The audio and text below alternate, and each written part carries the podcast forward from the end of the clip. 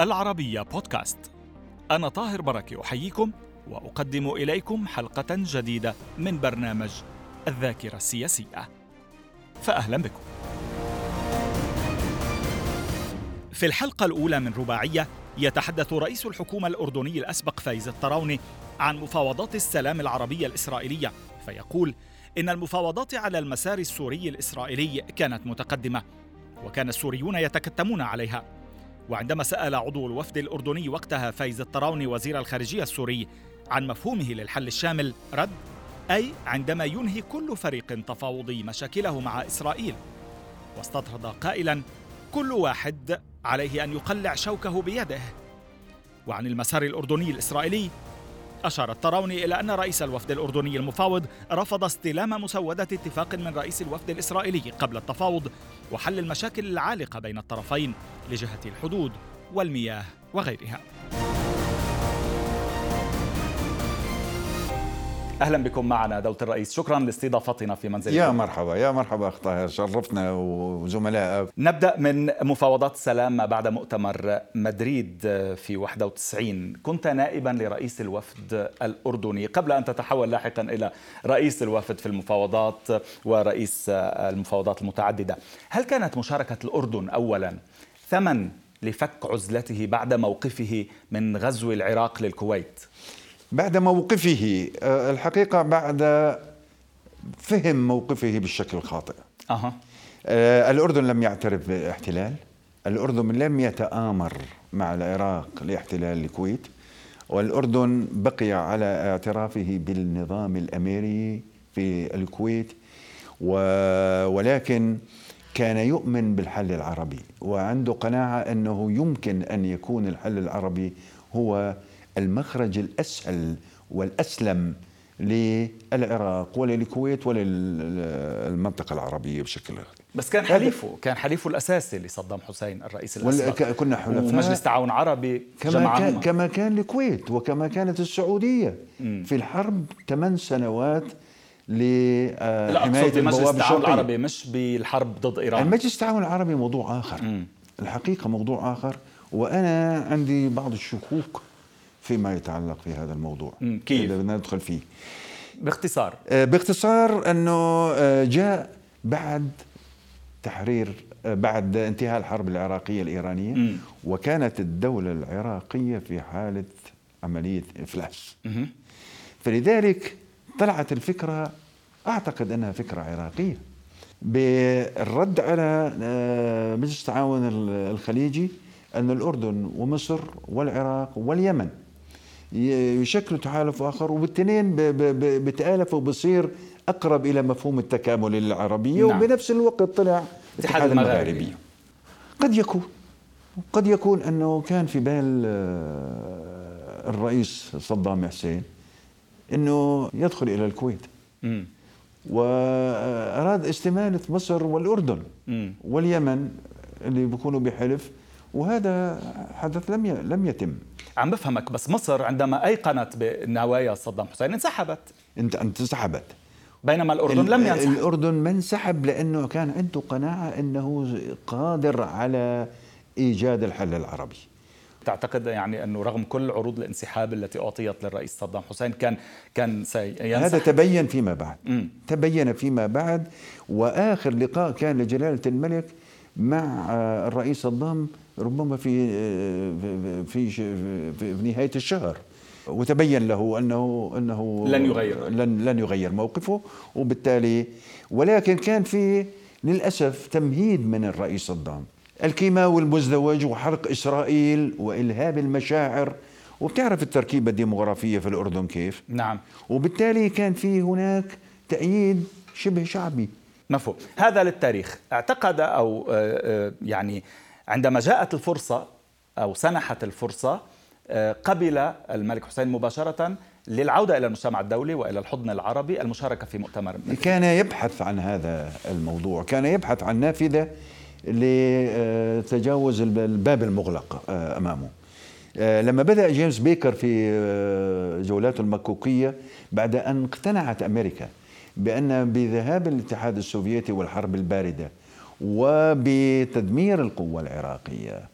أن إسرائيل ستقبل في عملية التفاوض وكان العرب يفضلوا دائما المؤتمر المؤتمر دولي. وكان إسرائيل تريد المفاوضات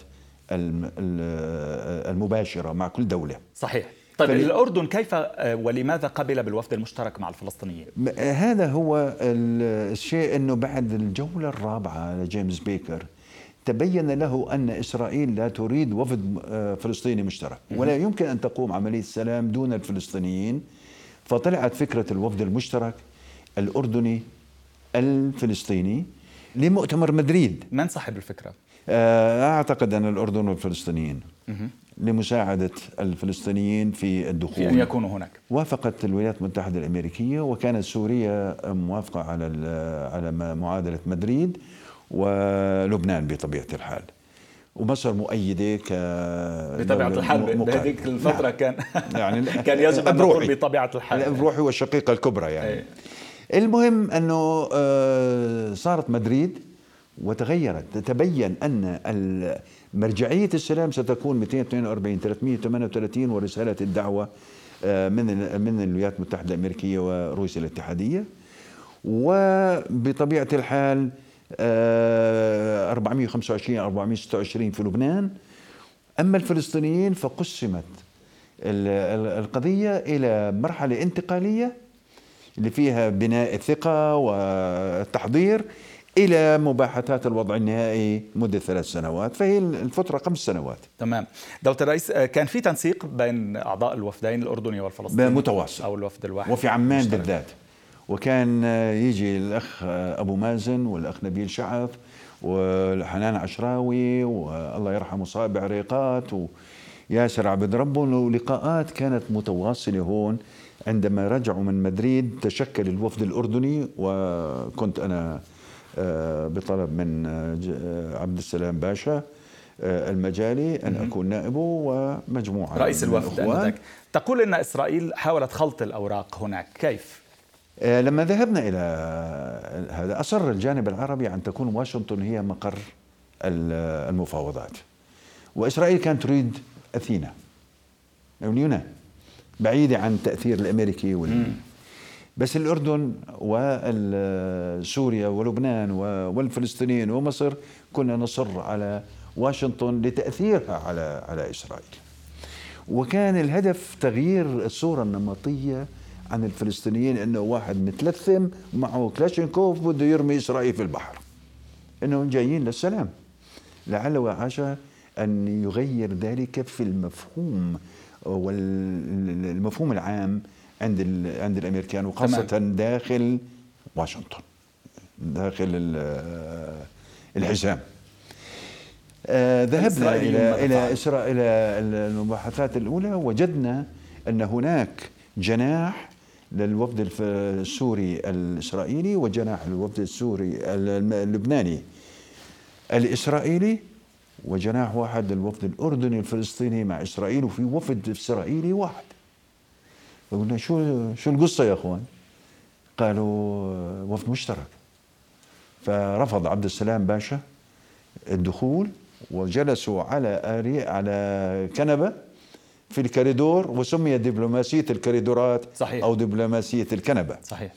ورفض الدخول إلى هذا إلى أن ينقسم. وكان السبب الرئيسي أن استقلالية الوفد الفلسطيني يجب أن تكون لأنه كنا دائما نقول نحن مع القرار الفلسطيني المستقل. وهذا كان من بدايات فك الارتباط القانوني والإداري بين الأردن والضفة الغربي وإعطاء استقلال منظمة التحرير الممثل الشرعي والوحيد للشعب الفلسطيني الذي لا يحمل جنسية أخرى. دولة الرئيس تقول أن التعامل من قبل الجانب الإسرائيلي مع الفلسطينيين في مدريد لم يكن سويا. أعطنا مثلا. لما انتظمت في الدورة في في الجولة الثانية وقبلت إسرائيل بوفد فلسطيني منفصل ومستقل وجدنا إنه بيننا وبين الفلسطينيين إنه لابد من وجود أردني مع الوفد الفلسطيني والعكس صحيح لأنه في قضايا كثيرة متشعبة وخاصة موضوع اللاجئين والحدود والمياه. فكان محافظة على هذا النمط هذا النوع من التنسيق بيننا. وكنت أنا اختارني آه، الرئيس عبد السلام المجالي أن أكون الوفد الأردني الدائم في الوفد الفلسطيني فكنا نحضر معهم كيف كانت كنت ألاحظ أن التعامل الإسرائيلي وخاصة في فترة لما كان شامير بعده رئيس قبل ما يأتي رابين كان تعامل فظ وبطريقة استعلائية. وأحد وأحد أعضاء الوفد. إذا ما خانتني ذاكرتي داني روتشايلد كان قائد للضفه الغربية عسكري. وكان تقصد الاستعلاء على الفلسطينيين فقط أو على كل الوفود؟ لا لا لا على الفلسطينيين. م. ويأشر بإصبعه هذا أنه بذكرك أنه أنا اعتقلتك قبل ست أشهر واعتقلتك. لما كان يجي الوفد نفسه كنا إحنا الفترة الصباحية وهم الفترة المسائية وبالعكس كل أسبوع. احترام كبير جدا. لشخص عبد السلام باشا للوفد الأردني الحديث هادئ واختلف وبلغت أنا آه، الرئيس عبد السلام وأنبهم. قال لهم أنتم أذكركم يا إسرائيليين أنكم جايين لسلام وليس لحرب. وإذا بدكم تتعاملوا مع شريككم بهذا الشكل يعني لا يجوز أنه تتخاطبوا معهم بهذه الطريقة. لما جاء رابين تغير الأسلوب وصار صار أكثر نضج وأهدى وكان رابين يسميهم شركائنا آه، جيراننا بدل أنهم عبارة عن مواطنين آه، تحت الاحتلال. نبقى في مدريد والمفاوضات آه، ما بعد المؤتمر. من أول جلسة تقول إن رئيس الوفد الإسرائيلي قدم مسودة معاهدة جاهزة بين إسرائيل والأردن. نعم. على أي أساس؟ وكيف رد الوفد الأردني؟ والله هذه طريقتهم في التعامل يعني م. عنصر آه المباغتة؟ آه يعني آه لما كانوا في الكريدورات وما دخلنا لل لغرفة المفاوضات بسبب الخلط الأوراق آه، في الأسبوع في اليوم الأول من الأسبوع اللي بعده قدم آه، مسودة. أعطاها عبد السلام باشا في غرفة الانتظار. فعبد السلام رد له إياها فورا. قال له يا أخي في عنا عملية تفاوض. في عنا أراضي محتلة إحنا في جنوب الأردن. في عنا قضايا للمياه في عنا حدود في عنا أمن في عنا قضايا كثيرة في قضايا مشتركة مع الفلسطينيين. لسه ما بديته مع الفلسطينيين. كيف أنا أبدأ بمسودة؟ إحنا نبدأ بالتفاوض على أجندة جدول أعمال. ونتحدد فيه في كل بند مرجعيته. وبعدين نشتغل مع بعض لما نتفق على المبادئ الرئيسية. يعني مثلا الحدود. شو المرجعية للحدود؟ رودوس سنة 49 اللي انحطت في فلو ماستر وكان عرضها حوالي نص سنتيمتر وعلى الأرض تكون 7 8 كيلو متر ولا الانتداب البريطاني سنة 22 اللي بياخد آه، أعمق نقطة في الوادي اللي هو اعتمدناها. تمام. قعدنا سنة. اللاجئين هل 194 آه ولا آه حق العودة؟ التعويض. فبدنا نحط أسس للتفاوض المياه على اليرموك اللي بتاخذوا أنتم أغلبه آه بقوة السلاح. فلذلك بدنا نحط جدول أعمال ومرجعية كل جدول ونتفق عليها بعدين بنحط مسودة فرفضها رفضا قاطعا. قلت إنه كان في تنسيق بين الجانب الفلسطيني والأردني بس الجانب الفلسطيني بهذه المفاوضات ما كان عنده آه، يبدو جدول أعمال آه، لا. واضح كما لا. ذكرت أو ما كان عنده قرار بيده لأنه المرجعية ما كانت هناك. سلام عليك. الحقيقة الله يرحم حيدر عبد الشافي. كان رجل عروبي فلسطيني وطني وقادر وكان يقود المفاوضات بشكل كبير يركز على القضايا الرئيسية كالاستيطان على سبيل المثال وكان يأخذوه إلى إلى نقاط ما إلها ما إلها حقيقة شيء. وكان ياسر عرفات رحمة الله عليه يرفض كل شيء يتوصل إليه حيدر عبد الشافي مع الجانب الفلسطيني. لأنه يعتبر أنه هو يجب أن يكون المرجع فقط. وهذا اللي كان يعتد فيه تبين بعد ذلك أن كان هناك كان كان الجزء الفلسطيني مقسوم إلى قسمين. تمام. وفد التفاوض اللي موجود في واشنطن ولا يعرف شيء ومرجعيته تونس وأوسلو المباحثات السرية الموازي والذي لا يعرف عنها الوفد الفلسطيني. سنتحدث عنها لاحقا. ولا نعرف نحن عنها. صحيح. هل كان هناك تنسيق مع الوفدين اللبناني والسوري؟ ضعيف جدا. ما بعتقد كنتوا كثير على وفاق يعني. أنا كنت المسؤول الأردني بالتنسيق العربي. كنا نسمع الساعة 7 المساء كل يوم وكان صائب عريقات عن الجانب الفلسطيني. وفي إخوان من أخ من لبنان وأخ من سوريا يعني خانتنا هلا الذاكرة مين؟ شو كان يعني آه سبب التوتر السوري والله يا سيدي كان كان سوريين بمجرد ما نقعد آه احكوا لنا شو صار معكم نحكي كل شيء صار معنا والفلسطيني يقرأ لهم محاضر الاجتماعات السوري يقول والله ما صار اليوم شيء قلنا لهم جولان قالوا لنا فيش جولان لا جولان مش جولان ولا شيء. ما تفهموا عليهم. طبعا اللبناني ما كان ما كان يحكي أو بيراقب القرار السوري. لا كان تابع للقرار السوري بهذيك الفترة. إلى أن تبين بعدين لما خلصنا إحنا الأجندة بعد سنة ونص بأواخر شهر 92 خلصنا أجندة. مم. اللي هي البنود اللي بدنا نتفق فيها والمرجعيات. وكلها على ما كنا نريد. أعطينا نسخة للسوريين ونسخة للبنانيين ونسخة للفلسطينيين. وقلنا لهم هذه بداية المفاوضات وليس نهايتها. إلا جلالة الملك حسين رحمة الله عليه قال هذا قد يعتبر تقدم. وأنا ما بدي أمشي لقدام كثير وخاصة مع الفلسطينيين حتى يصير عندهم تقدم كمان. فخلوها على جال مفهوم. شلبت.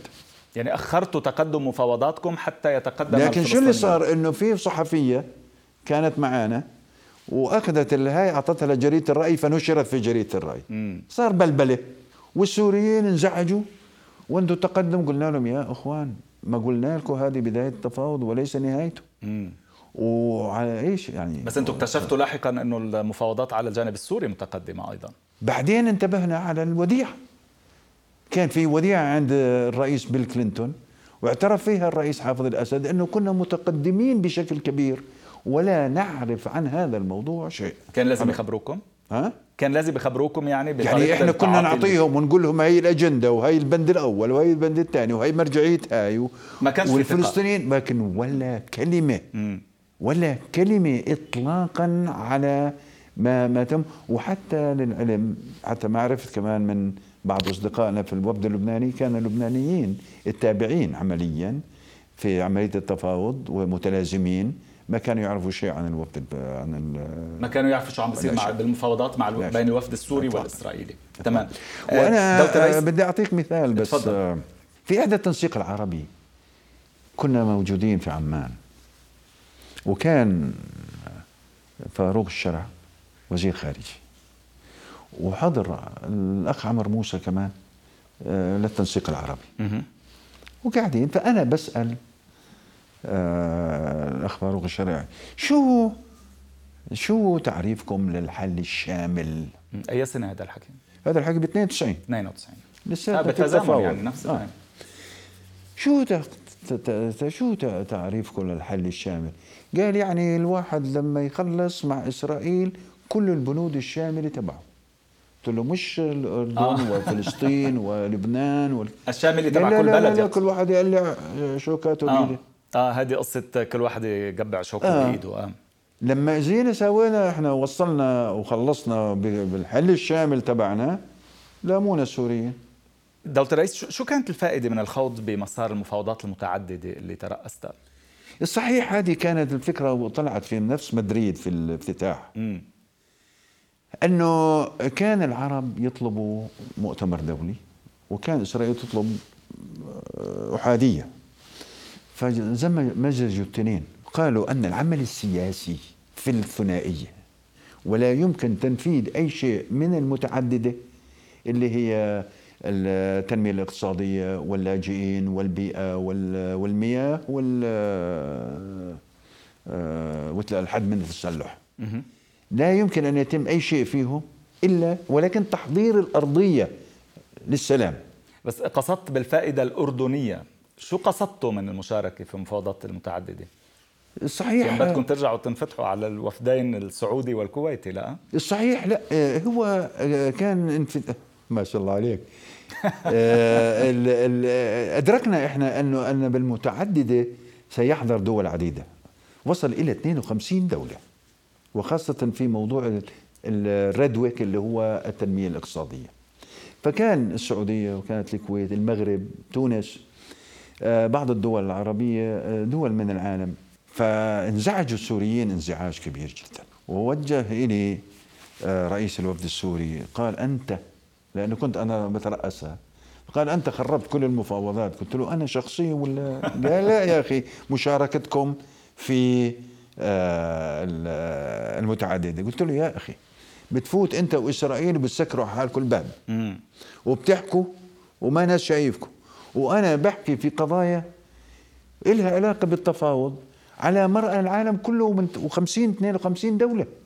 لما صارت المتعددة وكنت أنا رئيس ال steering committee هذا وكان رحمة سعود الفيصل يحضر أحيانا نعم. وكان قوي على على إسرائيل في موضوع القدس بالذات آه، كيف؟ وعلى الاحتلال وعلى الكذا يعني يذكرهم بمفهوم الخروج عن القانون الدولي وعن قرارات الشرعية الدولية وعن 242 ويذكرهم بهذا الموضوع. يدخل في الجانب السياسي حتى آه، اللي هو كان آه، من اختصاص الثنائية ولكن هذا الموقف السعودي كان حاسما. دولة الرئيس آه، كان سهل التفاوض مع الإسرائيليين آنذاك؟ لا كانوا يقولوا أنه المسار الأردني أسهل مسار. هيك كان الانطباع. ولكن كان عندنا أراضي محتلة. إحنا في جنوب هذا تعادل لو فرضتها. أكبر من قطاع غزة. وكانت إسرائيل بحجة وجود العمل الفدائي في آه، الأغوار الجنوبية كانت تزحف في الشيك. وتبين لنا سنة الثمانين وإحنا بنفتح طريق البوتاس للعقبة أنه هذا ال الشيك اللي بيننا وبين إسرائيل مزاح. وبالتالي هذه اعتبرناها أراضي محتلة. عندنا مشكلة المي في نهر اليرموك. صحيح. وتحويل روافد الأردن. وعندنا مشكلة الحدود والأمن. يعني ما كانش سهل لا تقنيا ولا نفسيا. آه يعني ومع ذلك أخذنا ثلاث سنوات ونصف. تمام تمام. وبعد طبعا مصر أولا ومن بعد مدريد ومن بعد أوسلو حتى وقعت وادي عربة. وسنتحدث عن ذلك دولة الرئيس. إذا سمحت لي بالحلقات المقبلة معكم. شكرا جزيلا لوجودكم معنا. نتابع وإياكم في الحلقة المقبلة. إلى اللقاء.